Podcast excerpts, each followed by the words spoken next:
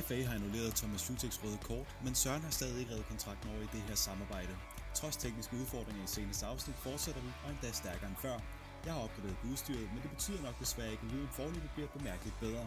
Til gengæld har vi igen tænkt os at stopfodre jer med fodboldnøjderi, når vi gennemgår den 23. spillerunde i dette års Premier League. Og som altid vil Søren dykke dybere end mine tweets, mens jeg har medbragt en håndfuld nyheder og et citat. Det bliver altså et afsnit præcis som vi kender det, i stolt samarbejde med Brit Media og Radio 4's Talentlab. Det her er PL Taktiko. Hvad, hvorfor begyndte du at nævne noget med min kontrakt? Jeg, jeg vidste ikke, jeg var på transferlisten. Men det er du heller ikke. Du har netop ikke reddet kontrakten over. Det er jo godt, at det var mig, der hang i en tynd tråd, efter jeg ja, lå der hænge lidt i stikken to gange i seneste afsnit. Ej, jeg, jeg tænkte mere, det var fordi, jeg havde stjålet dit citat sidste gang, at, øh, at der var øh, dårlig stemning, men øh, der, der er ingenting på min side af, så det er jeg da glad for at høre. Og der er også uh, no hard feelings herfra. Jeg er ret sikker på, at, uh, at jeg var den første, der ville ryge, hvis, uh, hvis der skulle vælges en fra i det her samarbejde.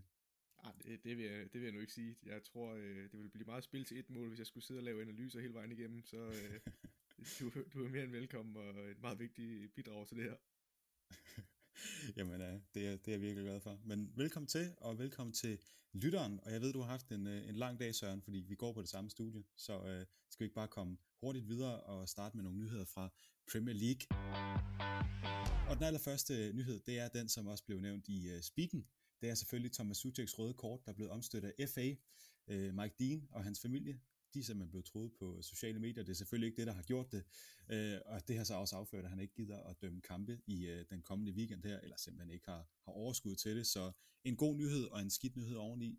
Sucheks røde kort, det skulle vel også uh, omstødes, skulle det ikke? Jo, det, det synes jeg ikke, der er nogen tvivl om, men jeg synes lige, vi bliver nødt til at dele to ting op her. Øhm, for det første, det omkring dødstruslerne til Mike Dean, at det er ingen gang på den her jord. Altså, fuldstændig ligegyldigt, hvad den mand han har lavet på fodbanen, og hvad han har dømt, og hvad han har lavet fejl, så er der intet retfærdiggør de dødstrusler, som, han, øh, som ham og hans familie har været udsat for. Det skal vi bare lige have på plads med det samme, inden vi overhovedet dykker ned i den her situation. Fordi det kan ikke være rigtigt, at man skal gå og passe sit arbejde øh, som fodbolddommer, og så blive udsat for de her ting. Det, det er så utilstedeligt nu har vi øh, lagt det til side, eller ikke lagt det til side, men i hvert fald i tale sat det, for det er meget vigtigt.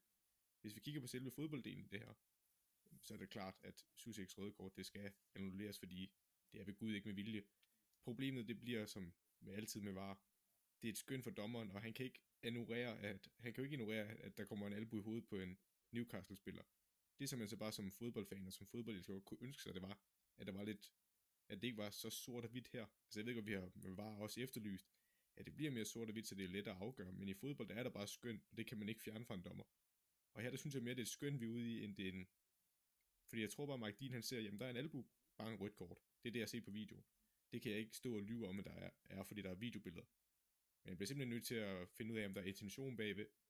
Øh, og det er jo ikke med vilje, og der sker jo ikke rigtig noget med, med spilleren, der bliver ramt, så jeg synes også, at det er det helt rigtige, de får annulleret det røde kort bagefter. Det er klart, og så, øh, så kunne man selvfølgelig efterfølgende, nu hvor det her det er blevet rådet båd på, jamen, så kan man jo begynde at gå lidt efter de her øh, mennesker, der åbenbart synes, at det er helt okay at skrive, ja, sidste uge der havde vi det med racistiske, racistiske beskeder, og i den her uge der er det simpelthen dommerne, der også bliver øh, ja, troet på livet, som du siger, på de sociale medier, fordi at øh, der kan man åbenbart komme ud med lige hvad man vil, uden at det har nogen konsekvenser. Vi havde den i sidste uge, og vi har den igen i den her uge vi håber virkelig, at, øh, at der bliver strammet op på det her, og hvordan det skal kunne lade sig gøre, det, øh, ja, den, den engelske regering mener jo, at det er de sociale medier selv, der skal sørge for, at der er mere kontrol med det her, men det handler jo også lidt om at, at gøre, noget, et, øh, gøre noget andet sted. Og jeg, jeg vil nok ikke bede dig om at komme med løsningen, men, men jeg håber da, at, at vi kan finde en i, i fremtiden. Ja, og det er jo en kompleks situation, altså nu igen, nu bevæger vi os lidt ud for vores felt med fodbolden, men det er jo en kompleks situation, fordi hvad skal de sociale medier gøre? Altså, de står jo til en eller anden grad til ansvar for det, der sker på deres platform. Men hvordan stopper man en bruger, der bare på få sekunder kan lægge et tweet ud øh, med en dødstrussel? Hvordan kan du nå at stoppe det i opløbet?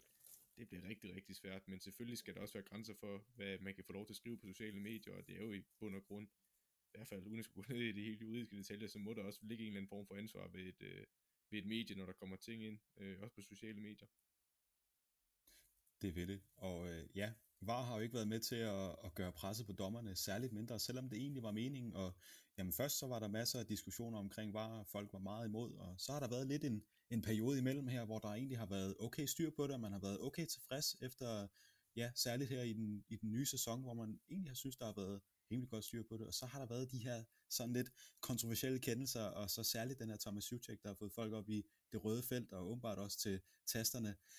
Men altså, som, øh, nu kan jeg ikke huske, jeg tror det var Michael Oliver, der, der udtalte, at hvis nu man fjernede var, jamen så ville folk også hurtigt have det tilbage igen. Og er det ikke også lidt den følelse, trods alt vi sidder med omkring var, at ja, der sker nogle, øh, nogle lidt grimme ting hister her, men de der helt åbenlyse fejl, jamen dem bliver der jo rådet bod på. Og igen her, jamen der ser vi jo, at det her røde kort, som måske, måske ikke er helt skidt givet ud af Mike Dean, jamen øh, det får heller ikke den konsekvens, at han får en, øh, en karantæne på det.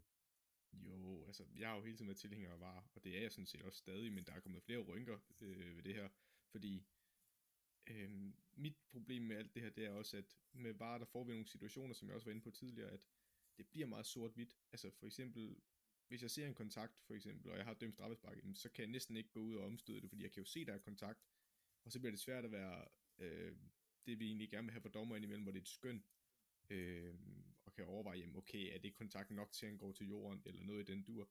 Det bliver rigtig svært, når du ser det på video, fordi når det går ned i slow, jamen, så kan du se kontakten, og det er svært at retfærdiggøre over for øh, et hold bagefter og sige, jamen jeg så godt kontakten, men jeg synes ikke, det var nok. Altså, der skal virkelig meget til for en dommer.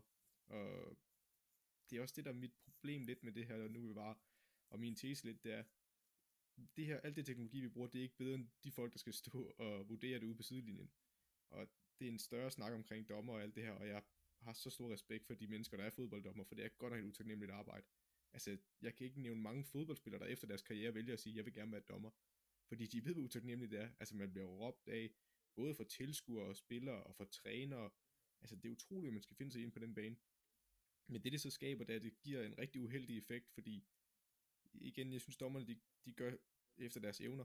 Men jeg tror bare, og det er måske også mig, der har lidt en dinosauragtig forestilling om det her, men jeg tror bare, det ville hjælpe rigtig meget, hvis det var tidligere fodboldspillere, tidligere professionelle fodboldspillere, der var dommer. Og igen, der kan vi så snakke om alle mulige problemer med, om de så har alliancer med forskellige klubber eller sådan noget. Men der er bare et eller andet med, og det er nok mange fodboldspillere også vil sige det, og det kan godt være sådan lidt en, ja, sådan en gammel, øh, ja, gammel øh, fodboldnorm, i hvert fald som spiller, at de, jeg mener bare, man har bedre forståelse for spil, når man selv har spillet, øh, og bedre kan forstå nogle ting, der foregår. For eksempel sådan en albu der, tror jeg, der er rigtig mange, der vil sige, ah, det var jo ikke rigtigt med vilje, og så skal det ikke tages så bogstaveligt. Og problemet er lidt, at når vi ikke får spillere, som der så går ind i dommergærning, fordi det er der ved Gud ikke nogen spillere, der har lyst til, fordi de ved, hvor meget øh, dommerne skal finde sig i, jamen så får vi ikke det der, fordi jeg synes problemet med det her, det er, at dommerne, de har fået en rigtig meget udstyr til rådighed og teknologi, men jeg synes, deres skøn indimellem er helt ude i hampen. Øh, og jeg synes, det er lidt mangel forståelse for spillet, der opstår indimellem. Og igen, jeg vil gerne blive i rettesat af en dommer, eller nogen, der har endnu mere forstand på det end mig. Men det er i hvert fald sådan, jeg ser på det, fordi jeg tror, der er rigtig mange, og igen, det er let at være bagklog bagefter, det skal vi også altid huske. Men når vi sidder og ser alle de her pundits og sådan noget, der er ikke nogen, der mener, at det er et rødt kort til at starte med. Og det er tit tidligere spillere, øh, der sidder og jamen, har de holdninger her. Så jeg vil egentlig gerne have flere tidligere spillere, eller folk, der stopper deres karriere tidligere ind i dommergærningen. Det, det så jeg meget gerne, men jeg ved godt, det er svært. Ja, en uh, utaknemmelig chance, det fik jeg jo at mærke, da jeg havde min hidtil øh, eneste, og formentlig også bare den øh, eneste dommergærning nogensinde til en stor bededagskop øh, tilbage i næste boldklub for en us 7 hold, tror jeg det var, hvor forældrene de fik, øh, ja det var ikke dødstrusser, men øh, i hvert fald råbt nogle, nogle grimme ting af mig, fordi jeg ikke helt havde, havde styr på den kamp der. Sådan er det. Øh, jeg ved også, vi begge to, vi har det med at, at råbe lidt af de dommer der, så det er, det er virkelig en, øh, en tavlig chance, og der, der skal bare lyde en stor tak til dem, der rent faktisk gider det, og øh, vi håber, at Mike Dean han kommer til at, at dømme fremover, fordi han er trods alt en, øh, en dommer på et, på et virkelig højt niveau, og en af dem, man jo kender fra, fra den engelske liga. En af de andre ting, der, der er sket her i den seneste tid, det er, at FA Cup kvartfinalerne de øh, er blevet spillet. Der løber også nogle kampe af staten lige netop nu. Jeg tror, at øh, en af dem er blevet afgjort as we speak. Det er Wolves Southampton, der spiller her. De startede 18.30, og kl. 21 der er det Barnsley-Chelsea.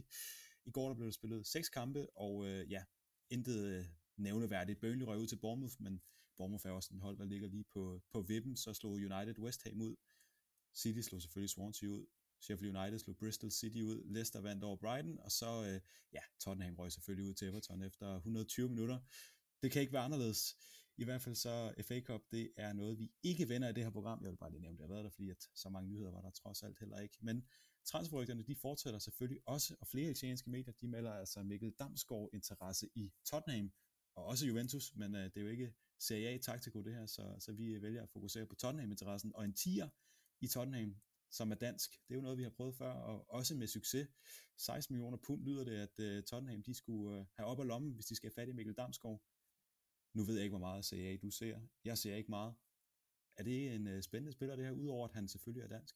Han er en utrolig spændende spiller. Altså, jeg er dybt imponeret over, hvor hurtigt han er begyndt at træde frem på den store scene i Serie A. Vi ser jo tit unge danske spillere, når de kommer til de helt store ligaer, jamen, så er det svært at slå igennem, for der er nogle helt andre forventninger, og der er ikke lige så lang snor, som der er herhjemme til mange af de unge spillere. Øhm, og det plejer at være bedre at tage en tur forbi Holland eller Belgien, og ligesom et niveau, der er et par skridt under øh, de helt store ligaer, men stadig et par skridt over Superligaen, og så lige tage sådan en mellemrute. Det plejer at være succesopskriften. Men Damsgaard, han har gjort det rigtig godt i Sampdoria. Det er ikke fordi, han spiller, i hvert fald ikke i starten af sæsonen, spiller han ikke hver kamp, men de er rigtig imponeret over ham dernede, og han har lavet nogle, nogle rigtig, rigtig flotte mål. Han har også været med i mange mål i opbygningsspil, så han er en teknisk dygtig fodboldspiller, det viste han jo allerede i Nordsjælland-tiden. Øh, jeg forstår ikke rigtig, hvor det her Tottenham-rygte kommer fra. Altså jo, i forhold til prisen, og det er måske en ung spiller, de måske kan sælge videre på sigt, eller i hvert fald gøre til en spiller, som øh, jamen, jamen, en spiller, man kan udvikle, og så kan blive en, en øh, klassespiller, som ikke skal ud og bruge store penge. Der, der kan jeg godt se mening for Tottenham. Men jeg ved ikke, hvordan han passer ind ellers på det her Tottenham-hold. Altså, skal vi også huske, at han har spillet en, lidt over en halv sæson nu i Serie A. Det er meget tidligt også at skulle skifte så hurtigt fra Sampdoria af, og også til Premier League. Øh, jeg tror ikke rigtigt, den her sker. Jeg synes, det, jeg synes det, det virker som et vildt rygte, og ja, det, jeg, jeg kan ikke rigtig se det ske. Er det ikke Levi, der har set en ung Eriksen her i uh, Mikkel Damsgaard? Drømmer sig tilbage til den gang, hvor de hentede en, uh, en ung dansker i Ajax? Og men der synes jeg alligevel, at Christian Eriksen havde præsteret noget mere i Ajax, inden uh, han kom til Tottenham, og jeg synes bare, det er rigtig tidligt for Mikkel Damsgaard. Jeg vil heller ikke synes, det var det rigtige beslutning for hans karriere.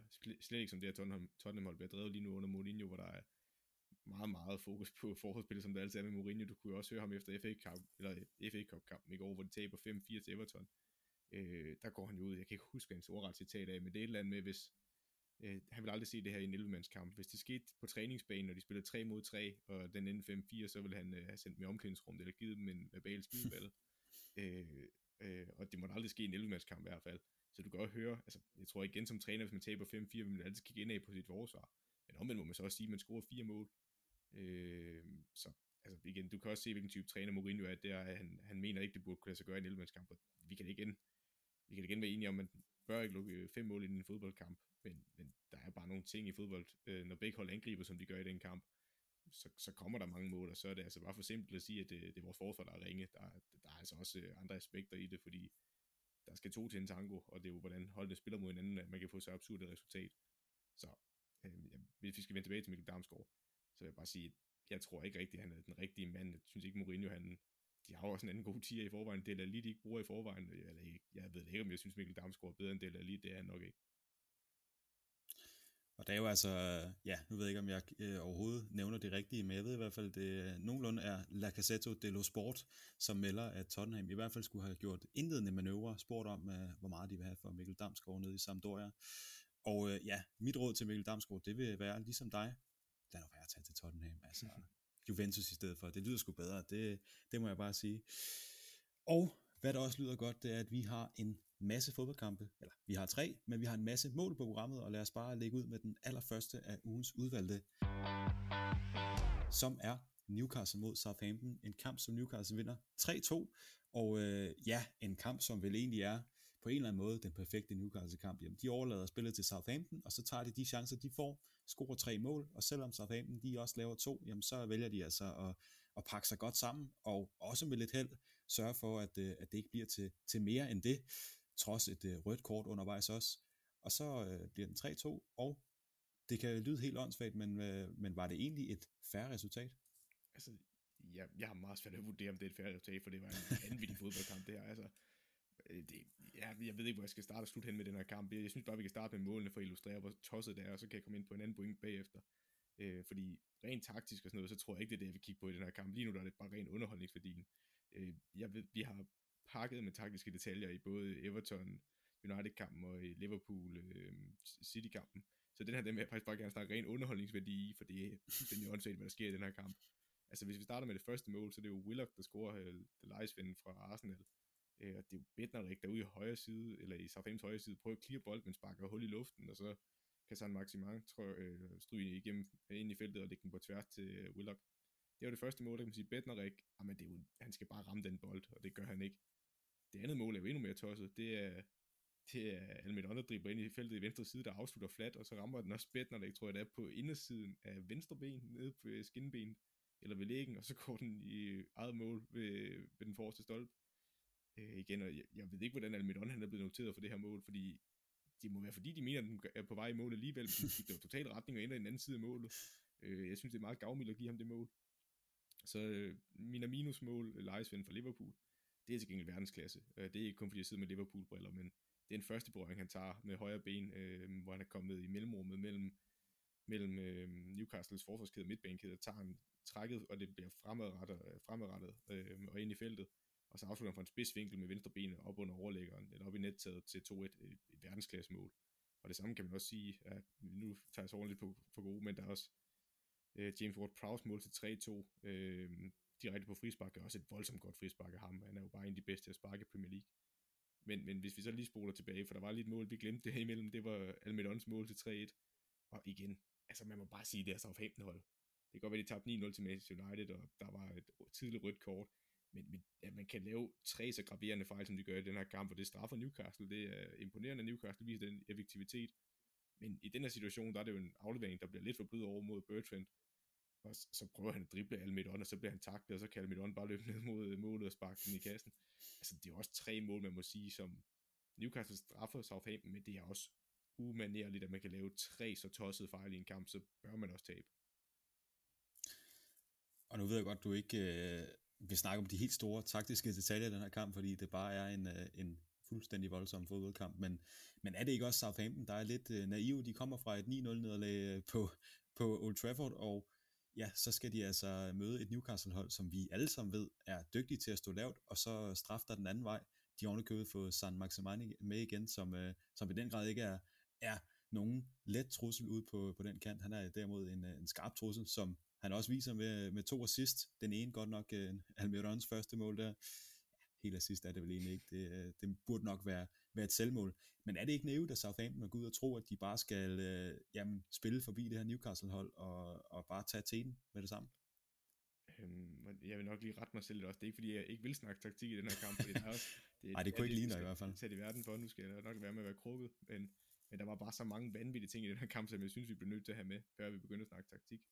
Øh, og der er også mere, vi kommer ind på. Men hvis vi lige skal snakke taktik også, jamen så kan du godt have en pointe i, at øh, jamen, virker det ikke naivt, når man lige har tabt 9-0, og så gå ud og så prøve at dominere kampen mod Newcastle, som man ved, hvis du laver dig, ved at skarpe på kontra, og det er der, deres farligste våben er ud over dødbolde, jamen så er det sådan, de vil gøre ind på dig.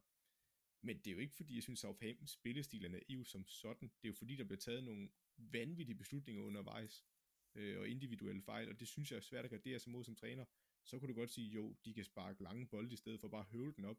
Men tror jeg, at Danny Ings op foran, og hvem er hans marker i den her kamp, det er, det er Che Adams. Adams. De, tror jeg, de vinder kamp over Fabian Scheer og Isaac Hayden.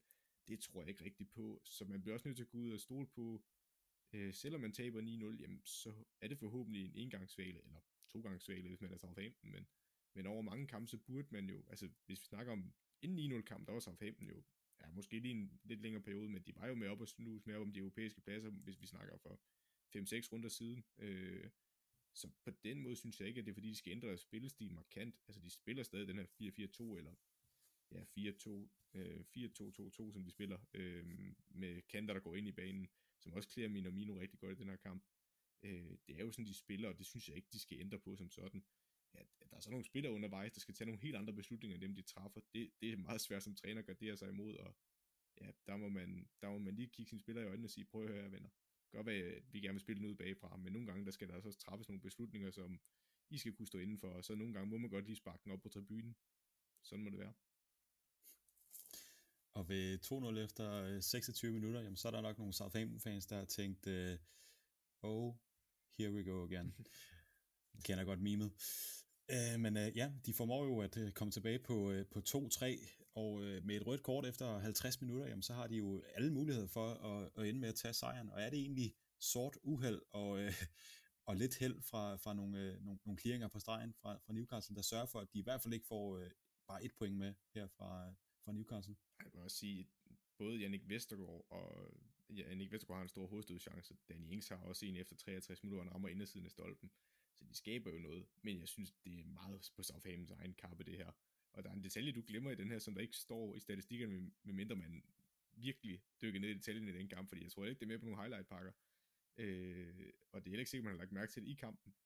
Men det, der sker for Newcastle, er jo, at de bruger... Øh, ja, nu skal vi se, hvornår jeg har øh, udskiftningstallet på her.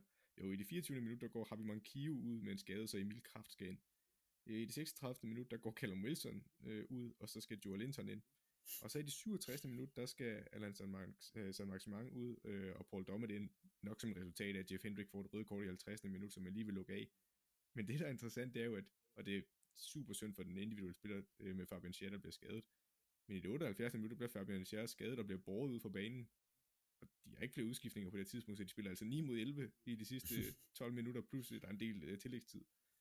Øh, så, så igen, Southampton, de laver tre fejl, der koster mål.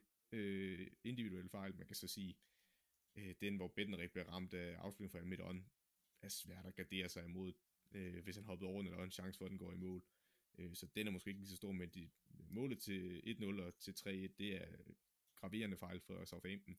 Og de så brænder nogle store chancer undervejs, og man ikke kan udnytte, man er 11 mod 9 de sidste 12 minutter, ja, så har jeg også svært ved at have sympati for, at man burde vinde en kamp. Og der hiver du fuldstændig bukserne af mig og afslører, at jeg ikke har set uh, andet end highlights for den her kamp. Ej, men, men det, uh, det, jeg heller ikke, det vil jeg heller ikke betænke dig. Det, det er ikke fordi, at, at vi har tid til at se alle kampene altid, og uh, Newcastle uh, Southampton var ikke lige den, der stod øverst på spisesedlen den her weekend. men derfor så kan vi godt snakke om en spiller som uh, Alan San Maximan. En spiller, de har savnet det i Newcastle. Han har været nede med noget uh, corona og nogle, uh, også lidt nogle senfølger derfra han er tilbage i, i den kamp her, og selvom han bliver udskiftet efter 67 øh, minutter, som du, som du siger, jamen så når han alligevel at lave, skal vi kalde det halvanden assist, men i hvert fald øh, noget godt på første mål, om ikke andet, og øh, er jo også altid udfordrende ude på den kant her, og egentlig en stor del af, af det, som Newcastle gerne vil, når de i hvert fald står lavt, og så øh, skal sende en mand afsted den anden vej sammen med Almiron. En spiller, som Newcastle nok har savnet, hvad, hvad er det, det betyder for, for det her hold, at kunne have ham med også? Jamen, det betyder så meget. Altså både ham og Almedon, som du er inde på, de giver en helt anden dimension, fordi når de først står nede i blokforsvaret i en 4-4-2, øh, spiller Willer godt nok som offensiv midt der, men jeg kan forestille mig, at han har løbet ned i en 4-4-2, når det er dækket op. Øh, så betyder det rigtig meget, hvis du står langt tilbage, at du har dribler med fart, der kan øh, nogle helt ekstraordinære ting, både i San Maximan og Almedon. Der er altså ikke mange i Premier League, der er hurtigere end de to. Øh, så, så det giver en helt anden dimension, at du kan du kan stadigvæk have to mand til at stå forholdsvis lave de, dine to angriber også, så hele dit hold egentlig står øh, nede i et blokforsvar på egen halvdel. Og alligevel så kan du formå at give øh, en kantspiller, eller ja, en af de to kanter bolden, og så kan de lave noget helt ekstraordinært at komme ud af øh, modstanders genpres, og så angribe, kontraangrib, øh, hurtigt omstille og øh, gå i kontraangreb. Altså, det, det giver noget helt andet, og, og det er så svært at finde øh, netop øh, koblingen mellem at kunne drible og være så hurtig, som de her to er øh, fordi det er en afsindig fart, specielt Almidon har. Og, og det giver bare helt andre dimensioner for deres kontraangreb, og de har ikke noget, der kan erstatte det ud på bænken i samme grad. Øh, og det kan man ikke forvente af et hold som Newcastle, der hvor de ligger. Så de to, de giver bare et helt andet aspekt, og hvis de ikke har dem, jamen, så bliver det bare meget spil til et mål, øh, ned mod Newcastles mål, og så kan de ikke få lov til at kontraangrebet blive farlige, og så er det mere et spørgsmål om, om man kan holde modstanderen væk, og så måske få nogle dødebolde at score på. Øh, så for dem er det super vigtigt, at de er med.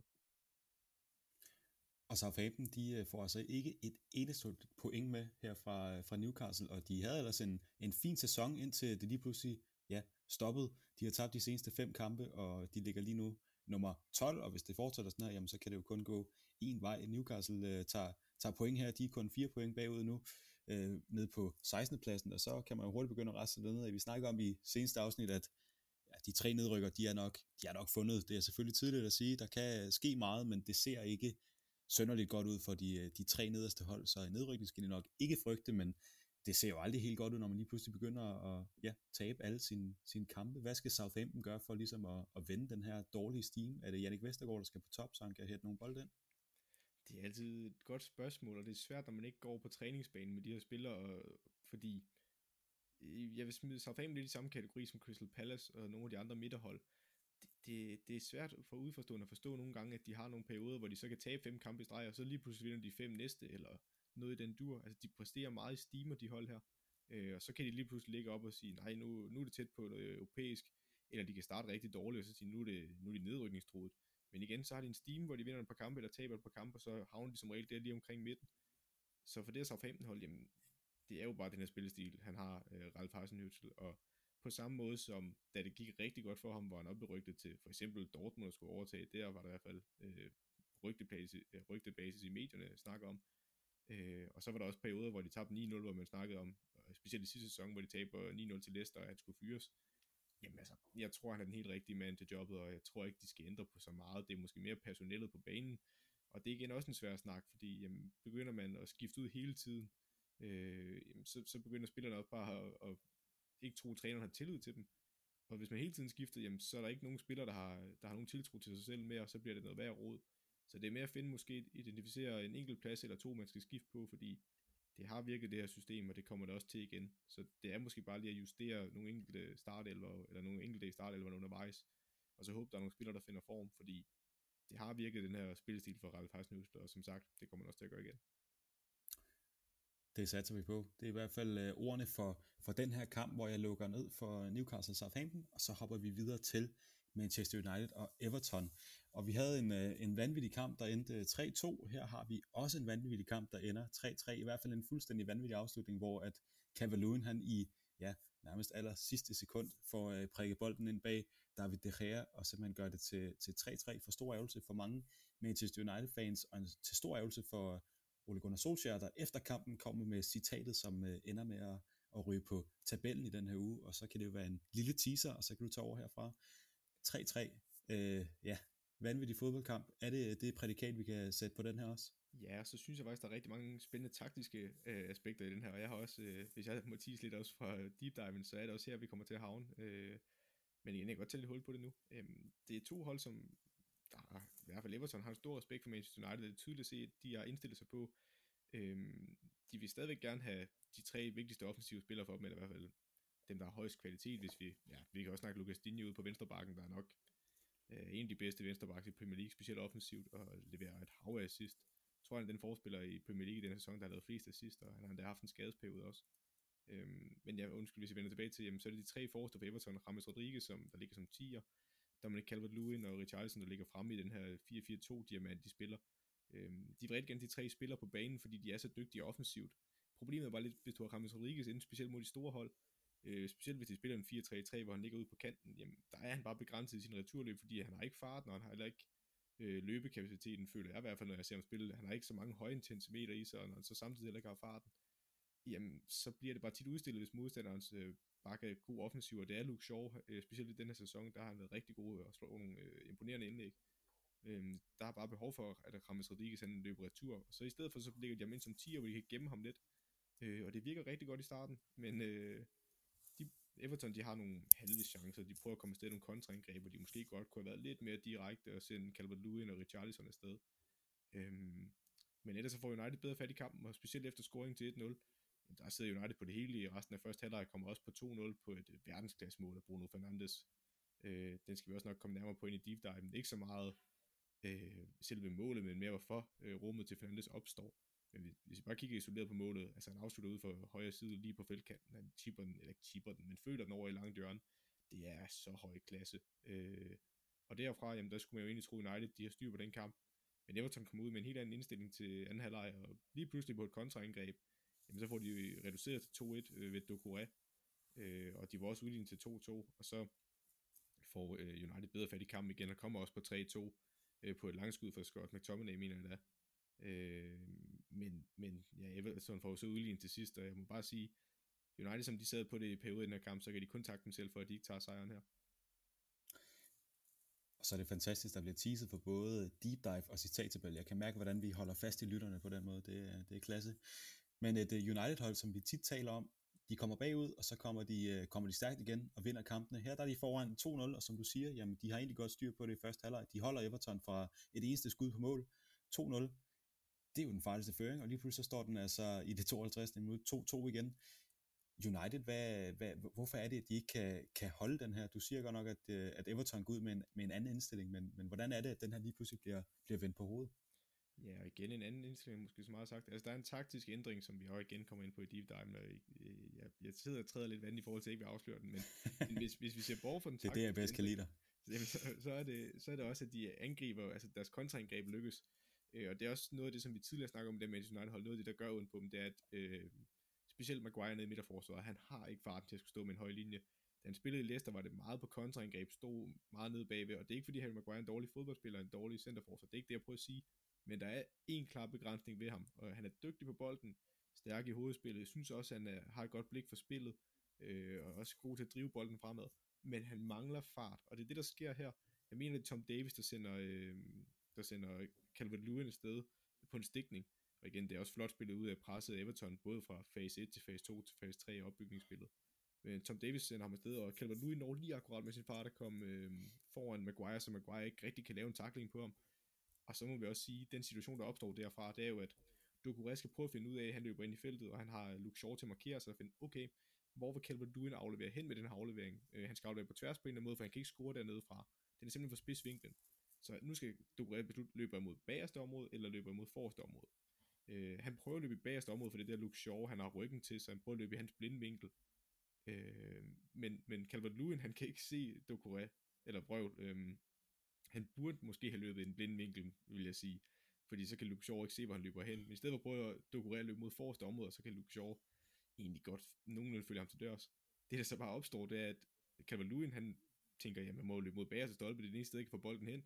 Så han prøver sådan en halv afslutning, halv aflevering over mod bagerste område, og så De Gea har ikke orienteret sig, øh, hvor Doucouré er henne, og det er også, altså, der tror jeg, man skal være målmand på allerhøjeste hylde, for at egentlig kunne forstå den situation, hvor der var mange, der var kritiske over for ham øh, omkring det her, og måske også med rette, fordi hvis han orienterer sig om, at Doucouré løber mod forreste stolpe, jamen, så kan han, kan han egentlig godt lade Calvin Lewis afslutning køre på tværs af målet, for der er ikke nogen, der kommer om i det bagerste område. I stedet for at tage De Gea, han mener, han bliver nødt til at tage, øh, fordi han er bange for, at den ryger hele vejen på tværs eller går i mål, og så laver han et, en, ja, en returbold, der ryger lige ud til Doucouré, og så er det mod forreste område, og Luke Shaw kan ikke nå at følge ham til dørs der, og så står den 2-1, så det er både Maguires manglende fart, og så en elendig beslutning af De Gea, der koster her. Øh, og så igen, jamen målet til 2-2, det, det er et indlæg, øh, eller hvor Dokurem modtager bolden. Han, han dominerer rigtig meget i den her kamp, og bliver vist det, det han også gjorde for Watford med at være rigtig dygtig box til box. Og også grunden til, at han blev brugt en del som 10 i Watford mod slutningen specielt. Øh, han modtager bolden ind i halvrummet, og så spiller han ud til venstre, hvor Lucas Digne så slår den ind, og så bruger en hele vejen på tværs af feltet, men Dokuré, han har jo fortsat sit løb, får bolden om i bagerste område, så kigger han op og lægger en skråt tilbage, og så er det en rigtig, rigtig flot afslutning af Rodriguez, som indtil da synes jeg, at har spillet en rigtig dårlig kamp, og har lavet rigtig mange boldtab, og var blevet udstillet specielt i Evertons defensiv. Øh, men det der, det, det kan han, altså den afslutning er høj, høj klasse. Den ligger lidt højt, den er aflevering for Doucouré lidt hårdt, altså lige lidt under knæhøjde. Men en god førstberøring for Rodriguez, der så bare hammer den flat i kort hjørne. Og ja, der er en, der ikke følger med Rodriguez der, det er også noget, vi kan pege på. Men igen, når man scorer to mål, øh, to mål så hurtigt, som de gør i de 49. minut og 52. minut, så gør det bare uden på Manchester United, og så er det en helt anden fodboldkamp. Ja, og som du nævner, jamen, så øh, kommer Scott McTominay fansene til undsætning og, og ender med at sende bolden i nettet til, øh, til 3-2. Og derfra, der, der prøver United jo at, at cruise den her hjem, og i, øh, i, i overtiden, jamen, der sætter de også Tuan Sebe ind i stedet for Greenwood, og så kender vi jo den, den gode gamle, han når også lige at få et gult kort. Tiden skal bare trækkes, den og den skal bare hjem. Og så kommer Calvert Lewin i, i overtiden af overtiden, og, og til, til sidste... Øh, sidste, ja, sidste sekund nærmest, og, og prikker bolden i, i nettet. Og sidder man her og tænker, det var godt nok synd for United, det, var, det havde de ikke fortjent, eller, eller er der en eller anden lille følelse af, at den her kamp måske, øh, ja, at den 3-3 egentlig var, var fair nok, eller bliver United simpelthen bare snydt for sejren her i, i det syvende og sidste? Øhm, jeg vil gerne lige rette mig selv også inden, fordi jeg sagde, at uh, McTominay skød på et langskud. Det var fra Southampton-kampen, lige blandet sammen med. Det ved jeg ikke lige, hvor det kom fra øh, mener det var. Men i den her kamp, der er det altså et hovedstød, han scorer. Ah, det, det er et langt hovedstød. Ja, det er langt ud fra. Jamen, det er et hovedstød, der ikke bør gå i mål, kan jeg så fortælle, fordi Robin Olsen, jeg ved ikke, hvad han laver ind i målet. Han, det ligner, han taber et skridt, men det er godt nok elendigt øh, fodarbejde, fordi ja, den kan næsten ikke nå ind i mål, det hovedstød der, og Robin Olsen kommer til at kaste sig ret teatralt, fordi han mister et skridt, så det, ja, det var meget svagt hop, fordi han, han ikke får et ekstra skridt på, og virkelig kan sætte, sætte af. Øh, jeg finder jo meget sent ud af, at, at, at det ikke er Pickford, der står jeg tror faktisk, det, er, det er i overtiden, da han går med frem på, på hjørnesparket, at det går op for mig. Det er ikke Pickford, det er Robin Olsen. Der vil jeg så sige undervejs i den kamp, der ser jeg flere gange, at det er Robin Olsen, og det er ikke fordi, at det er jo udsigtsmæssigt, ligner de også lidt hinanden, øh, specielt på lang afstand, men, men i, i, hvis du så hans udspark nogle gange, der vil jeg så sige, at jeg er ikke den største Pickford-fan, øh, og han har også lavet fejl, men, men han er markant bedre end Robin Olsen i fødderne, fordi det var godt nok nogle horrible udspark, han lavede ind imellem. Nå, øh, tilbage til, om det var retfærdigt for United, om de mistede point i den her kamp, eller om det var et uretfærdigt resultat. Øh, vi kan jo kigge på XG'en for eksempel, altid en, en lille målstok øh, for understat.com, og det er jo XG'en, det er expected goals, altså hvor mange mål man forventer, at øh, på de øh, chancer, mod, eller holdet får i kampen, jamen hvor stor procentdel af chancen for, at de går i mål, altså selvfølgelig, hvis man sparker fra midten af, så er den meget lille XG'en, og hvis du sparker, eller får et straffespark, jamen så er den selvfølgelig meget tæt på at være en, fordi det er næsten et garanteret mål, eller burde være i hvert fald. Øh, hvis vi kigger på den fra understat.com, jamen, så har Manchester United en XG på 1,72, og Evertons på 1,56, og jeg er med på, at den kan være misvisende ind imellem. Øhm, men ja, ud fra det, så burde det være meget lige, men hvis jeg så skulle komme med min egen holdning til det, ja, så vil jeg jo nok sige, at ja, de scorede til sidst Everton øh, og får udlignet der, og der kunne man jo godt sige, at det var heldigt. Men for mig at se, så skal United lukke den her kamp meget tidligere. Øh, specielt der i, øh, ja, i første halvleg, i slutningen af første halvleg, efter 1-0-målet, der dominerer de kampen og kommer også på 2-0. Derfra, der bør de jo egentlig bare, eller ikke bare, men de bør køre kampen hjem, fordi de viser sig, at de er det bedre hold end Everton. Så det kan godt være, at Everton laver nogle fede taktiske justeringer, der, der også øh, dæmmer lidt op for det, United gerne vil.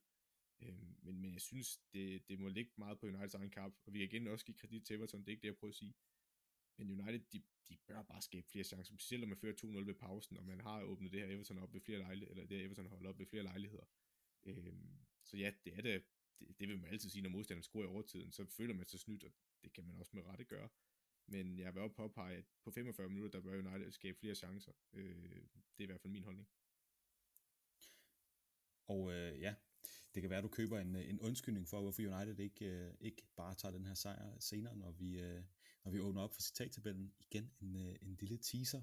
Men øh, Everton, de ligger jo nummer 7 lige nu med, med 37 point har spillet 21 kampe, det vil sige, de er uh, to point eller to kampe bagud i forhold til de andre op i, i, uh, i top 6, og i fodboldsprog, der er det selvfølgelig 6 point, og så havner de altså på en del tredjeplads. Så det er vel egentlig også fair nok, at uh, Manchester United, de ligger jo nummer to i, i ligaen lige nu, men man skal vel ikke bare gå ud og, og køre et, et Everton-hold midt over? Nej, nej, altså det, det kan du sagtens have ret i. Eller fordi Everton er et dårligt hold. Altså, de har jo spillet rigtig gode kampe i den sæson, og ellers ligger de ikke, hvor de gør, eller kommer tilbage i den her kamp. Øh, der er også ros til Everton, den måde, de kæmper sig tilbage på, og specielt en Dokore en kæmpe oplevelse i den her kamp.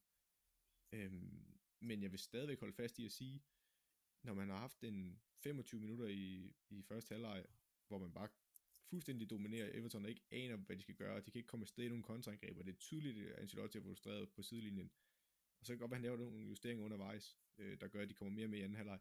Men United er stadigvæk det bedste hold i anden halvleg også, og der bliver man nødt til at stramme skruen, øh, og så specielt i første halvleg, der virkede deres genpres efter 1-0-målet rigtig godt og kvalte mange af de her Everton-angreb.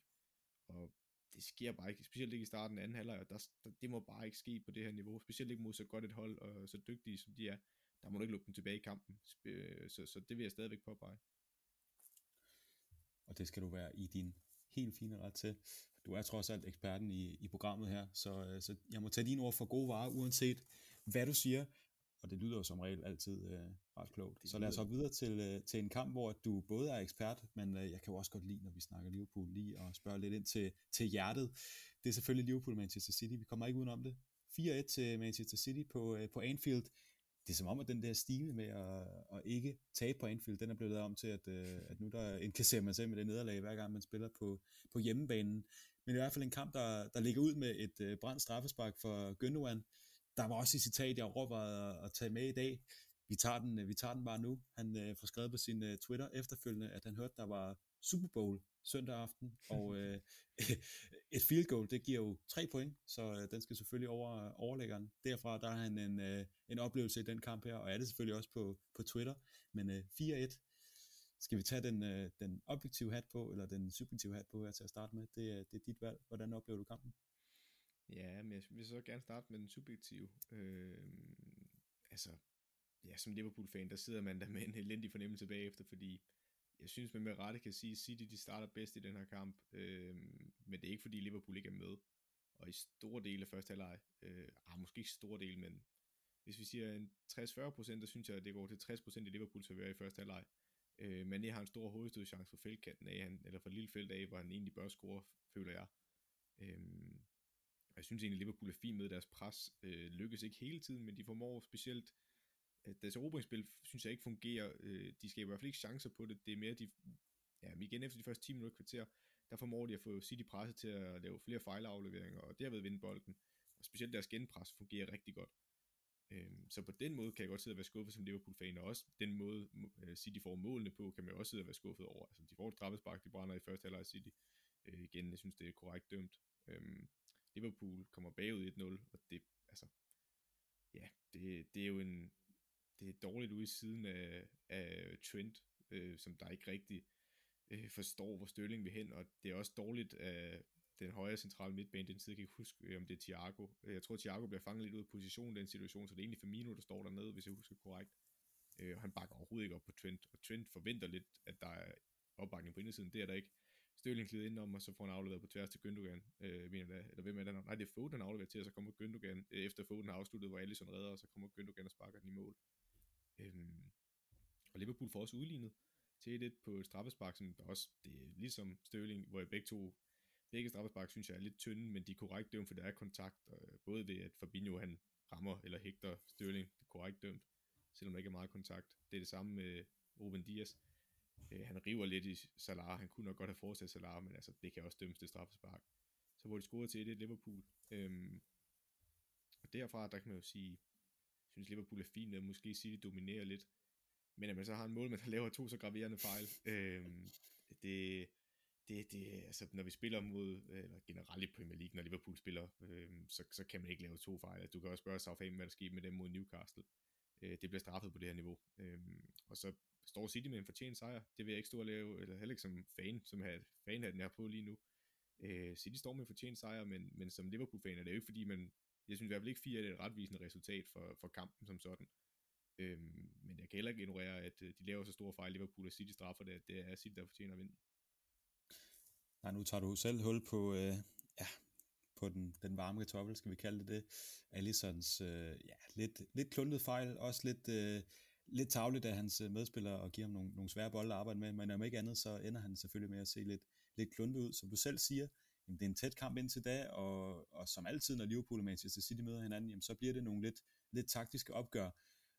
Og øh, det plejer lidt at være Liverpool der ovenpå. Lige nu øh, må man sige Manchester City ovenpå, og særligt efter den her kamp, hvor det ligner, at, øh, at de bare kan, kan tage en stille og rolig, øh, nærmest øh, envejs, hvad hedder det, en, enmands her, ja, jeg ved ikke, hvad man skal kalde det, men i hvert fald, at de kan vandre mod øh, at tage mesterskabet tilbage igen. De er selvfølgelig kun foran med, med fem point øh, lige nu, har en, øh, en kamp i hånden, så det er selvfølgelig 8 point, som øh, vi snakker om her i fodbold. Men i hvert fald en, en tæt kamp, indtil det, indtil det går galt, og, øh, og så, så ligner det jo et, et helt andet Liverpool-hold lige pludselig. Det ser jo lidt, øh, lidt tosset ud, når man laver sådan nogle øh, lidt, lidt kluntede fejl, og så kommer der altså i gang i Manchester City-maskinen, der bestemt ikke holder sig tilbage, og simpelthen får udnyttet det her. Så egentlig en, en ret tæt kamp, men, men som ender med et overbevisende Manchester City øh, sejr. Et sejr det, det kører for mig lige nu. men, øh, men om ikke andet, så må man jo sidde som, som Liverpool-fan og være, være noget skuffet, og som, øh, som objektiv seer, der er man vel også lidt, lidt skuffet over, Liverpool ikke som sådan formår at, at gøre mere i den kamp her. Øh, nu, nu kan du, man, ja, jeg, jeg prøver i hvert fald at tydeliggøre det meget, øh, sådan rent øh, i forhold til lyd. Nu tager jeg Liverpool-hatten af, og så tager jeg en objektiv hat på. øh, og der vil jeg bare sige, det er en virkelig fed kamp. Altså, undskyld øh, alle de personlige fejl af Alisson, det er ærgerligt for kampen. Men indtil det, der sidder jeg som fodboldnørd og synes, det er så fed en kamp. Altså, det kan godt være, der ikke er så mange chancer, men rent sådan taktisk og øh, fodboldniveauet, jamen, det var så fedt. Øh, det kunne jeg stadigvæk sidde og, og synes, øh, måske ikke så meget under den kamp, men da jeg sad og så den igen bagefter, det, det er faktisk en rigtig fed kamp. Øh, det, det skal forstås på flere måder, og jeg ved godt, at jeg hopper ud af en tangent nu, og hopper lidt over i noget deep dive men øh, det vil jeg tillade mig. Øh, det er du altid velkommen til de, de er, de er, deres opbygningsspil synes jeg er rigtig spændende også. Det minder meget om det Guardiola laver tidligere. Øhm, men de har jo ja, de har jo to nede i center for John Stones og Ruben Dias, der er rigtig gode på bolden, og Ederson også. Og der er flere gange, man bare tænker, at nu fanger Liverpool dem i presset, specielt de første 10 minutter kvarter, men der spiller de sig alligevel ud af det. Og de har lidt unik måde at spille sig ud af det på, eller ikke unik, men spændende synes jeg i hvert fald. Øhm, Cancelo han går ind i banen, som vi tit har snakket om, altså højre bakken, så han går ind og bliver en double pivot sammen med Rodri. Så de to ligger øh, foran de to centerforsvar og, og, og spiller rundt inden, for det har City tidligere haft succes med, også i sidste sæson mod Liverpool på Citys bane. Der er de også succes med at spille med to øh, otter derinde, og så er det så bare Cancelo, der lister ind her. Så med Sinchenko i venstre side, der skubber lidt op, og så i højre side, der er det altså Bernardo Silva, som den højre 8 i 4-3-3, som det normalt vil være i hvert fald. Øh, han falder helt ned og spiller næsten som bak, altså meget offensiv bak, men kan få bolden derude i siden. Og så ligger han og kombinerer det ud sammen med Martes. Det er en øh, rigtig spændende detalje, synes jeg, fordi det, det gør man nok. Øh, en af grunden til, at Cancelo er god på bolden ind i banen, og øh, de to andre ting er lidt, at Martes, jamen han er, han er god til at få meget plads derude, så han kan gå på duel meget søge ind i banen. Og Bernardo Silva kommer ned og får bolden tidligt i opbygningsspillet, så han kan finde de fire mellemrumspillere, som det lidt er City spiller med. Øhm, så har man så Martes, der ligger ude i højre side, som sagt. Så har man Foden, der ligger som en falske, øhm, falske nier, men så Gündogan ligger sig egentlig op ved siden af ham, så de spiller sådan i perioder med to falske nier, hvor de begge to får lov til at vandre, hvor Gündogan har lidt mere en rolle som en tier, men ligger sig stadig nogle gange op, og så falder ned i banen, hvor Foden så laver løb på ham eller omvendt, og så har man Sterling over i venstre side, øh, så man hele tiden, det er ligesom når man ser med Bielsa, at de har rigtig mange spillere langt frem på banen, som vi kan spille op igennem kæder på, og så handler det bare om, at vi spiller bolden rundt nede bagved, indtil der opstår et hul, vi kan spille op igennem kæden, øh, og det synes jeg virkelig var en fed taktisk detalje. Øh, jeg ved ikke, må jeg fortsætte med en til? Du kører bare. Jamen, så tager jeg en til. Øhm, fra den anden side af, fra Liverpools synspunkt, synes jeg også, de laver noget spændende, fordi det, jeg har kritiseret Liverpool meget for, det er deres to otter, når de spiller, specielt med Thiago. Øh, fordi jeg synes, Thiago er bedst som 6, og specielt mod hold, der står i en lav øh, blokforsvar. Men det kan de ikke gøre mod City, fordi de har ikke bolden nok. Øhm, og derfor spiller Wijnaldum om 6 i den her kamp, sådan en defensiv midtbane i 4-3-3'en. Øhm, men her er der Thiago, der spiller den i en 8 sammen med, sammen med Curtis Jones, og det var jeg meget skeptisk over, inden jeg så kampen, fordi normalt, når man ser Liverpool mod City, specielt for et par år tilbage, jamen der tænkte man, at det skal være to 8, der arbejder stenhårdt for Liverpool, så satser vi på kontraangreb, og det er Thiago og Curtis Jones ikke deres spidskompetencer, de er bedst på bolden. Øhm, og der, der, synes jeg, det, det synes jeg var fejlkastet til at starte med, men, men, i, men jeg synes, at i den her, når Liverpool kom på bolden, så gav det også noget helt andet. Øhm, altså, de var meget bedre til at spille sig ud af Citys pres, specielt efter de første 20-25 minutter, hvor Liverpool sidder på kampen, jamen, der var de så dygtige, Curtis Jones og Thiago, til at finde de her rum. Øh, og så synes jeg også, man må sige med Thiago, jamen, øh, han er dygtig på bolden, men det, jeg synes, der var mest fascinerende faktisk, det var Curtis Jones i den anden side. Fordi normalt, når Firmino falder ned som den falske nier i banen, så er der ikke nogen, der går ind og tager hans rum op på samme måde, det er Salah, eller øh, Mané, der skal løbe ind i banen og lave dybdeløb. Men Curtis Jones bevidst læser faktisk nogle gange op ved siden af Firmino, altså lidt et, lidt et spejlbillede af det City gør, med Gündogan og øh, Phil Foden i den her kamp. Det gjorde Liverpool faktisk også i perioder med Curtis Jones, så det var ret sjovt at se, at de kopierede lidt hinanden. Øh, og, men også bare når Firmino får ned i banen, så ligger Curtis Jones så helt frem, øh, og der er specielt en chance i anden halvleg, mener det hvor Trent Alexander-Arnold, han står en diagonal aflevering hele vejen over til Curtis Jones, der har lagt sig over helt i venstre side og får bolden og dribler ind og afslutter lige forbi stolpen, hvor den også bliver rettet af Ruben Dias. Men det sker kun fordi Curtis Jones har fået at vide, at han skal løbe op i det rum, og så kan Thiago og Wijnaldum lidt ligge som dobbelt pivot ind i midten, og så skal Thiago ikke foretage de her dybdeløb. Øhm, så ja, der var rigtig mange spændende taktiske ting, så som objektivt her, og så igen, hvis jeg kigger lidt, ser lidt bort for de individuelle fejl, jamen så var der rigtig mange spændende ting. Nu nævner du det her med, at øh, de kopierer hinanden lidt, og det er jo heller ikke helt uvandt for os at, nævne, at de er, er inspireret af hinanden og, og gerne også lærer hinanden, og øh, jamen altså få en, øh, en Trent Alexander-Arnold til at, at deltage i spillet inden fra, fra centraldag, det vil jo nok ikke ligge ham helt skidt til. Men nu nævner du det her med, at, at, at offensivt, der er Manchester City den måde, de går ind til det på, med at lægge Cancelo ind på, på midten, og så trække en, en midtbanespiller lidt længere ud, og på den måde skabe øh, et overtal og, og, ja, og nogle, øh, nogle offensive muligheder her.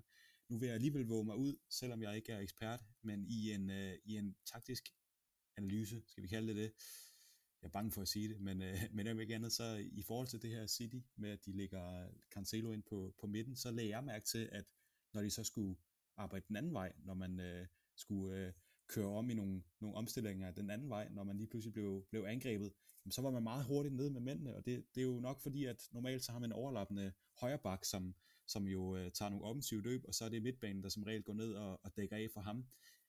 Men bakken går så nok ikke ind og dækker af på, på midten, og her der har du en, øh, en, en højre bak, der går ind som midtbanespiller, så kan han jo bare lægge sig ned, og, og den kant, der så har trukket ud fra midten af, jamen han går tilbage igen, og så er der balance igen.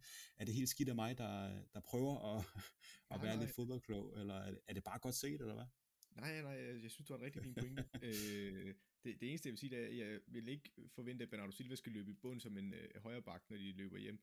Jeg tror mere, det du er inde på, og det er helt korrekt set, det er, at øh, når du lægger en bak derind, Øh, så vil der opstå et rum på ydersiden, som modstanderen kan spille ned i, men der, der, der er tesen i det restforsvar, at du skal gå i så hårdt et genpres, øhm, at, at det ikke kan lade sig gøre at spille ud i det rum. Men der er en anden ting, som du har fat på, som jeg egentlig havde glemt lidt, men da jeg så kampen, øh, så jeg synes, det var super fedt, du nævnte det, øh, City falder enormt hurtigt i den her kamp, og det er også en del af succesen mod det her Liverpool-hold, i, i hvert fald den her kamp. De falder så hurtigt. Altså en ting er, at de har et hurtigt returløb, som du også er inde på, der kvæler mange af Liverpools kontraangreb. Men det, som der også er spændende, det er, at de falder enormt hurtigt og satser ikke på offside-linjen. Og det har de jo gjort tidligere, og det har gjort rigtig ondt på dem med at sende Salah og Mané i dybden specielt øh, fra Liverpools side. De satser overhovedet ikke på offside i den her kamp. Øh, jo, altså når de står i etableret forsvar, der, der kan de godt spille med en offside-linje. Men ellers der tør de simpelthen ikke, så falder de bare ned. Og det kan de tillade sig af en speciel grund, det er, jeg synes, mand mand, der står de egentlig rigtig godt over for det her Liverpool-hold. Jeg synes ikke, man ikke kan overmatche Cancelo i hvert fald, når jeg ser min kamp. Det er ikke sådan, jeg ser man net drible forbi ham på fart eller noget. Øh, og det samme i den anden side, altså Sinchenko, jo, han har der problemer over for Salah. Men det er ikke fordi, jeg synes, at nogle af Liverpools offensive spillere formår at sætte sig igennem i mand mod mand eller de få, de egentlig får i den her kamp. Og det bekymrer mig ret meget. Øh, men det tror jeg også, de har læst på City inden kamp. Så hvis de ikke giver Liverpool bagrum, så kan de ikke få lov til at angribe dernede. Øhm, og det, det, det som Liverpool-fan bekymrer det, også som, som objektiv, hvis jeg skal sidde og se på det Liverpool-hold, det bekymrer mig faktisk ret meget, at de her offensive spillere er i så stor en selvtillidskrise, virker det for mig. Altså de tør næsten ikke gå mand-mand, og de kan ikke rigtig sætte sig igennem, og hvis du ikke kan det, jamen, så bliver det bare svært, for du kan kigge i den modsatte ende. Jeg synes, Trent og Robertson har rigtig godt styr på både øh, Sterling og øh, Martes i første halvleg. Men der skal ikke være en gang til, hvor Sterling lige sætter øh, Trent i den side, eller Martes, eller Foden gør i modsat side jamen så er de altså igennem. Og det er også lidt øh, historien om den her kamp. Citys forsvar var bare meget stærkere end Liverpool til den her. Altså igen, vi kan så også sige, at Liverpool er to midtbanespillere inde i centerforsvaret. Det kan også ses både ved det straffespark, Fabinho giver væk, og den Henderson bliver rundet i siden af Foden på et dårligt udspark af Allison. Der, der kunne en, øh, en anden, eller Gomez eller Van Dijk nok have stået bedre i den situation. Øhm, men det er lidt historien. City, de har læst den her Liverpool-offensiv, og hvad det er, der gør ondt på dem. Og det skal de også have kæmpe kado for, for vi har tidligere analyseret City som lidt uh, naivt offensivt hold, og det synes jeg ikke, man kan sige på samme måde i den her sæson. Jeg fik hele hjertenbanken af at, at, at våge mig ud i den der taktiske snak der. Så skal vi ikke slutte, slutte den her kamp ned ved at slutte ned, ja, igen. Jeg, det kører. Men skal vi ikke lukke den her kamp af med at, at, at sætte dig lidt på spidsen, og så simpelthen sige, at med den her 4-0 sejr på Anfield, 4 har Manchester City 4-1, ja selvfølgelig, hold op, det kører godt. øh, har Manchester City så ikke øh, på en eller anden måde, nu, nu igen, jeg vil have lidt ved det så, så overskudsagtigt, men, men Søren, var det her ikke øh, den kamp, der gjorde, at Manchester City de vandt Premier League-sæsonen øh, 2021? Åh, oh, du sætter mig på spidsen igen. Altså, jeg mente jo, da sæsonen startede, City ville vinde den. Der var lidt vakkelvogn under, især i starten med alle de skader, de havde. Øh, men sådan som de har set ud i de seneste 5-6 kampe, der, der synes jeg, at City er det bedste hold, specielt det eneste hold, der kan matche dem på topniveau, det er Liverpool, og som de er i denne sæson, der er City bare bedre. Øh, Liverpool kan ikke præstere øh, stabilt nok. Manchester United har haft en rigtig god sæson, øh, og ligger også højt. Jeg synes bare stadigvæk, City er et markant bedre fodboldhold end dem, også over 38 kampe. Jeg vil ikke sidde med 5 points forspring og sidde og sige, at det ikke kan lade sig gøre, at de kan blinde hende Manchester United, men jeg vil blive overrasket, hvis de gjorde i hvert fald. 8 point. Det er godt, du retter mig. Jeg troede, det var 5 point med en kamp i hånden. Jamen, det er, det er også 5 point, point, hånden, men det er jo 8 point, det ved du ja, godt, sådan. Det gør man som træner også jo. det er sikre point i banken. Præcis. Så øh, det er simpelthen officielt. Manchester United, de har vundet Premier League sæson 2021. Så nu vi, tak skal du have. Nej, Manchester Ej, Søren, det går sgu dårligt. Jeg vil, du, vil, du ikke, øh, vil du ikke overtage herfra, og så simpelthen bare køre den videre i ugens deep dive? Jo, øh, jamen så skal vi over til ugens deep dive, øh, kan jeg lige sige selv også. Nej. øh, ja, men øh, ugens deep dive, det, øh, det er fra, øh, fra Manchester United og Everton-kampen, og igen, som jeg altid gør, så øh, sidder jeg og tegner på øh, de taktiske situationer, vi tager med, øh, og analyser til. Øh, så hvis man vil have et indblik i, hvordan øh, det ser ud, når jeg sidder og gør det, og måske have en lidt bedre forståelse for, hvad der foregår, så kan man hoppe ind på vores øh, Facebook-side eller på Instagram, hvor vi lægger det op. Der er ved PL Taktiko. Øhm, og ellers så kan man også sagtens sidde og lytte med, så skal jeg nok forklare det. Øhm, vi kigger på tre situationer i den her kamp. Øhm, de to har jeg tegnet på, den sidste, den er, synes jeg øh, ikke, jeg behøver at tegne på, så den skal jeg nok bare fortælle. Øhm, men vi starter med de to startopstillinger. Vi starter med Manchester United hjemmeholdet. De har David De Gea på mål, så har de Aaron Wan-Bissaka på højre bak, Lindeløf som højre centerstopper, Harry Maguire som venstre centerstopper, og Luke Shaw som venstre bak. Så har de Scott McTominay som øh, højre otter, og så har de Paul Pogba øh, som den anden otter. Så har de Fernandes som 10'er, Mason Greenwood til højre, Rashford til venstre, og Cavani på top. De spiller altså en 4-2-3-1. Så kigger vi på det her Everton-hold, der ligger ude i en øh, 4-4-2 diamantformation.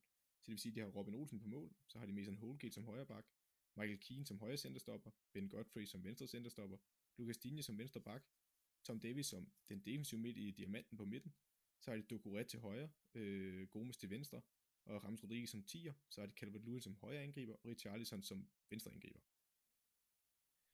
Det vi skal kigge på nu, det er øh, en spilsituation, hvor vi ser på, hvordan diamanten fungerede for Everton til at starte med, for det gjorde den faktisk. Det lukkede øh, det centrale rum af for Manchester United, så de ikke kunne spille sig igennem på midten, hvor de rigtig gerne ville have bolden ind, for at kunne spille ind på Fernandes, øh, specielt imellem kæderne. Den måde, de benægtede rummet på, det var som vi ser i den første situation, hvor øh, United har bolden. Luke Shaw har bolden øh, i venstre side af banen, lige på den sidste tredjedel af Uniteds banehalvdel. I den situation her, der ser vi, hvordan han bliver markeret, fordi det er sådan en diamant egentlig fungerer den meste af tiden. Øh, specielt når modstanderen går fra øh, fase 1 til fase 2, øh, og ja, mest i fase 2 faktisk, i opbygningsspillet. Bolden er ude ved Luke Shaw på sidelinjen, og så løber Ducouré, altså den højre 8 for diamanten på midten, øh, han løber frem mod øh, Luke Shaw og markerer ham. Så har vi James Rodriguez, der ligger inde i midtercirklen, lige på kanten af midtercirklen i højre side, øh, Evertons højre side, øh, og følger øh, Paul Pogba. Det er vigtigt for Ramos Rodriguez, at han dækker Paul Pogba. Øh, det er ham af de to otter for United, altså af McTominay og Pogba på den centrale midt. Det er vigtigt, at han ikke kommer på bolden, fordi når man spiller med en diamant, altså med en smal midtbane, jamen, så har man rigtig mange folk ind centralt. Der kan du godt dække op. Problemet er det på ydersiden, hvor du kun har backs, og så de midtbanespillere, altså Ducouré i den her situation, der skal løbe hele vejen ud i siden, for at dække Luke Shaw. Og hvis bolden den bliver vendt hurtigt fra side til side, jamen så skal Ducouré, øh, for eksempel i den her situation, hvor han står i højre side helt ude ved Luke Shaw, jamen, så skal han hele vejen over og hjælpe ind øh, i den centrale del af banen, altså helt ind på midten. Og hvis de vender bolden hurtigt frem og tilbage, jamen, så kan han simpelthen ikke nå at komme frem og tilbage. Men i den her situation, der har de ikke vendt hurtigt nok. Ducouré kan fint markere Luke Shaw. Ind på midten, jamen der har man jo så Cavani, der vil gå ned i banen, øh, på, øh, på Evertons banehalvdel sammen med Fernandes. Men der har øh, Everton jo så de to centerforsvar. De har Tom Davis, den øh, defensive midtbane, altså sekseren, og de har Gomes, den øh, venstre centrale midt. De fire kan ligge sådan i en boks og lukke dem inde, og så skal de bare kommunikere, så det vil sige, at i den her situation, der går Cavani lidt ned i banen, og der kan Michael Keane bare råbe til Tom Davis, jamen du skal lige følge ham til dørs. Okay, jamen Tom Davis har ikke andre markeringer, det kan han sagtens gøre. Øh, og så den sidste, jamen altså, øh, ja, åbenlyst så vil højre bak dække kanten, og øh, venstre bak vil dække øh, modsat kant for Everton. Så er det kun de to angriber, vi mangler. Jamen der dækker, øh, der har man jo så Ramos Rodriguez som 10'eren, der ligger i midten og lukker midtbanen af, og så har du på højre side Calvert Lewin og Richarlison på venstre side, der skal lukke de to centerforsvar af og presse baksen lidt til at få dem til at løbe lidt fremad måske, og så kan Doucouré flyve op, eller Gomes kan flyve op. Så i den her situation, jamen der har de lukket midten totalt af, og det havde United store problemer med i starten. Men når vi så kigger på den næste situation, det er situationen, der giver 1-0, eller øh, øh 1-0-målet til Manchester United. Der har øh, Rashford bolden i højre side op på den sidste tredjedel for øh, Everton. Der har han bolden i højre side, og Lucas Digne løber lidt frem på ham for at markere ham. Men foran, der løber Bruno Fernandes så dybt bag Lucas Digne, og så bliver Gomes, den venstre centrale midtbanespiller, altså for Diamanten, nu selvfølgelig efter ham ud i det rum. Så kommer Aaron Wan-Bissaka højre bakken frem i banen, og Richarlison, den venstre angriber i den her side, han er ikke kommet hjem. Så det vil sige, hvis man tæller på fingrene her, jamen så er der to Everton-spillere ude i det her rum, og tre United-spillere. Så det der vil ske, det er, øh, Rashford spiller bolden fremad, altså frem i det, vi kalder frimærket, ved mange øh, fodboldnørder kalde. Øh, han spiller bolden fremad bag ved Dinje, altså venstrebakken, øh, hvor Bruno Fernandes løber ned i rummet, ned mod øh, hjørnefladet. Ikke helt ned i hjørnefladet, men det rum øh, på ydersiden af feltet. Så løber Gomes efter ham. Så Gomes står nu, Bruno Fernandes bliver retvendt og kigger ind mod feltet. Gomes står og markerer ham. Men det, der sker nu, det er, at Juan Bissaka, højrebakken, vi snakker om, der var løbet lidt frem før, han løber på indersiden nu af både Dinje og Gomes, der begge to står ude omkring Fernandes. Gomes dækker Fernandes, Dinje han har øje på Rashford, der står lidt tilbage i banen. Juan Bissaka løber på indersiden af dem alle sammen, og det gør, at han bliver nødt til at orientere sig om, okay, jamen hvis nu øh, Fernandes ønsker at spille bolden bag os nu, så bliver han nødt til at markere Wan Bissaka, så han ikke bare kan løbe ind i feltet og få bolden derinde. Så han træder lige et par skridt tilbage for at dække ham op, og så har du Gomes, der dækker Fernandes, så er spørgsmålet så, hvem dækker den tredje United-mand? Det er der ikke nogen, der gør, så det vil sige, Rashford står egentlig helt fri tilbage i banen. Han får bolden fra Fernandes, øh, hvor han løber lidt ind i banen, og så står han lige omkring, øh, lige omkring hjørnet af feltkanten, altså op mod modsat banehalvdel. Der står Rashford, eller Rashford med bolden nu helt umarkeret. Man kan så sige, herfra, jamen der står der stadigvæk to centrale forsvarsspillere for Everton og en højre bak, der skal dække Greenwood og Edison Cavani. Men der er en anden gylden ren i fodbold, der, der skal pres på boldholderen, øh, for ellers så bliver det super svært at dække et indlæg op. Når Rashford får så meget tid her, jamen, så kan han bare slå en bold ind i bagrummet. Øh, og når der kommer løb, der for eksempel både Greenwood og Cavani, angriber rum her, kommer i far. Hvis afleveringen er rigtig og timingen er rigtig, så kan du ikke gøre noget som forsvarsspiller. Det er tæt på umuligt i hvert fald. Og det der er helt tesen i den her med diamanten, der, jamen her der får United vendt spillet hurtigt ud mod siden, altså på ydersiden af midtbanediamanten. Og når Richarlison ikke er kommet med hjem, jamen så er der bare rigtig meget plads på ydersiden af formationen. Øh, og det er det, Rashford udnytter her, og det er det, de udnytter, ja, både Rashford udnytter til selve indlægget, men opbygningsspillet der til, altså mellem Fernandes, Wan-Bissaka og Rashford, det er det, der bliver udnyttet her. Den sidste detalje, den er ikke tegnet på, men det er det, der sker i anden halvleg, der gør, at Everton faktisk lykkes bedre, det er, Carlo Ancelotti, Evertons træner, har tydeligvis set det her og tænkt, okay, det her, det går simpelthen ikke mere. Så den ændring, han laver, det er, at han ændrer faktisk til en regulær 4-4-2, når det dækker op. Så det vil sige, at i stedet for øh, Richarlison, han bliver fremme sammen med Calvert-Lewin, så løber han faktisk ned på ydersiden af formationen, altså så de ligger fire på linje på midtbanen. Øh, så de ligger Richarlison til venstre, Gomes og øh, Tom Davis centralt, og så har de øh, Doucouré på højre kant. Så ligger med to øh, firemandskæder, og så to mand fremme, hvor Ramos Rodriguez bare får en fri rolle, fordi ja, jeg tror ikke, han forventer så meget defensivt der, og så Calvert-Lewin helt fremme. Øhm, men det gør så, at de lukker de her rum på ydersiden, så giver de køb på nogle ting centralt, hvor de så skal arbejde lidt mere, øh, og de to angriber skal hjælpe mere med at falde ned i banen og lukke et rum. Men det gør rigtig meget, fordi så kan United ikke udnytte de her rum, og specielt Rashford gør det til indlægget her til, 2, eller til 1-0 målet, og Bruno Fernandes udnytter også det samme rum, da han scorer til 2-0. Men det rum, det blev lukket i anden halvleg, så igen, Carlo Ancelotti, øh, fed taktisk detalje, han ændrede i anden halvleg, men øh, lidt ærgerligt for dem i første halvleg, hvor United udnyttede de her rum. Jeg er så glad for, at når jeg har sådan en, en dag, hvor det er lidt, lidt svingende, jamen, så er du bare stabil og, og gang på gang giver en, en lækker deep dive, og også retter de fejl, jeg laver. Det er jo, hvis, hvis man skulle sammenligne med, med en midtbane, jamen, så er vi nok en Scott McTominay og Paul Pogba, hvor jeg en gang imellem godt kan kreere lidt lækkert og, og give nogle øh, overraskelser, så det kan også være, være skidt, og så er du bare øh, McTominay, der bare altid præsterer på et stabilt højt niveau. Ja, men altså, der vil jeg også sige, at det, det, det lyder lidt som, øh, der vil jeg sige, det lyder lidt som et forhold mellem William Christ og Lasse Schøne på en midtbane. Altså, det er ikke spektakulært, det at levere, men det er der bare hver gang, og så er der, der leverer nogle perler indimellem. Den vil jeg gerne tage, tage på mig, hvis du også har lyst til det. Så, så skidt da. Skal vi ikke bare øh, få, rundet, få rundet det her af med et, øh, et citat, og gå til citattabellen? Jeg har jo øh, teaset lidt for den undervejs, og øh, du kan nok godt regne ud, hvem det er, der har øh, ugens citat. Jeg håber ikke, du kan regne ud af, hvilket citat det er, fordi at, øh, det, er nok et, jeg, det er nok ikke et, jeg tager dig på, på sengen med. Men i hvert fald så blev det ikke Gündogan, der, der skulle løbe med, øh, med den her uges citat med sit ellers fremragende citat med, med field goalet fordi at vi simpelthen skal, skal ned i den, i den dårlige ende. Og så har jeg selvfølgelig også prøvet at, at skubbe dig den vej, jeg gerne vil have dig, fordi der begynder altså at være lidt, lidt trængt op i toppen. Det kan også godt være, at vi øh, med, med 20 afsnit inden her snart skulle, øh, skulle rydde lidt. I hvert fald så, øh, der, er ikke, der er ikke så meget plads mere, og jeg er jo ikke grafisk studerende. Jeg er jo trods alt bare en, uh, et sludder til 12, hvis vi skal sige det pænt. Men i hvert fald så har jeg taget et citat med fra Ole Gunnar Solskjaer, som er øh, Manchester United-træner, og ikke Manchester City, selvom jeg måske godt kunne, øh, kunne komme til at sige det i dag. Men i hvert fald så øh, efter kampen her mod Everton, der er han jo ude og, øh, og skal lave sin, øh, sin ja, hvad kalder man det, post-match interview. Og der får han altså sagt øh, i, en, øh, i, en, i en bisætning, eller også, ja, hvad skal man kalde det? Han siger i hvert fald, we shouldn't even be considered as title chasers. De ligger nummer to. De lå nummer et for ikke så lang tid siden.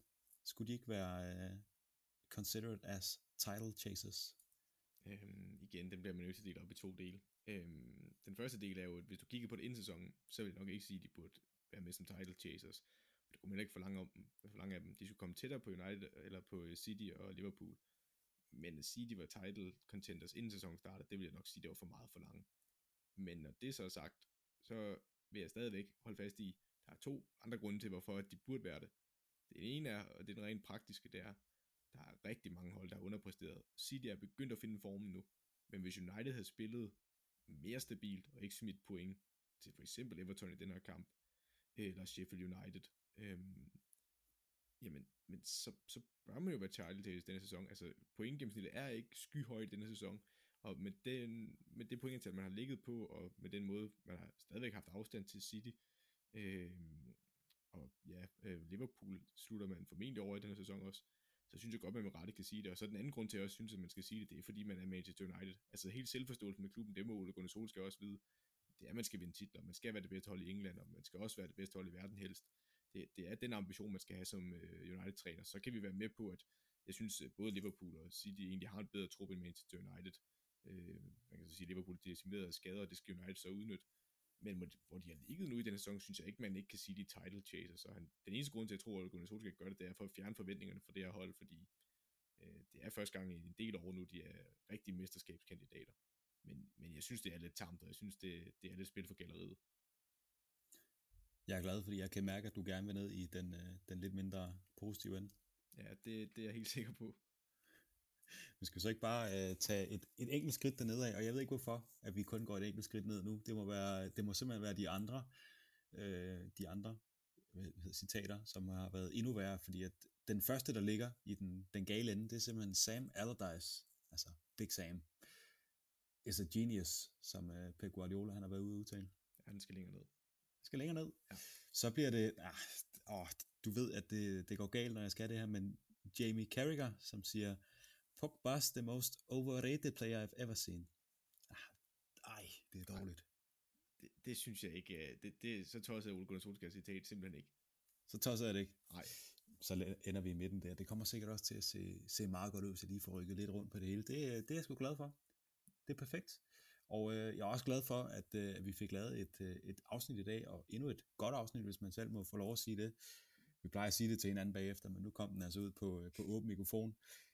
Men i hvert fald så, øh, så lad, os, øh, lad os runde det her af, og lad os runde af med at takke Merit Media og Radio 4 Talent Lab. Så skal vi selvfølgelig også nu huske at takke Sendcaster. De lytter nok ikke med, men i hvert fald så øh, skal vi takke Sendcaster, fordi det er altså det, der holder, holder det her kørende i de, disse tider her. Og så skal den største tak selvfølgelig lyde til, til dig, Søren. Ja, man kan kun sige lige over morgen.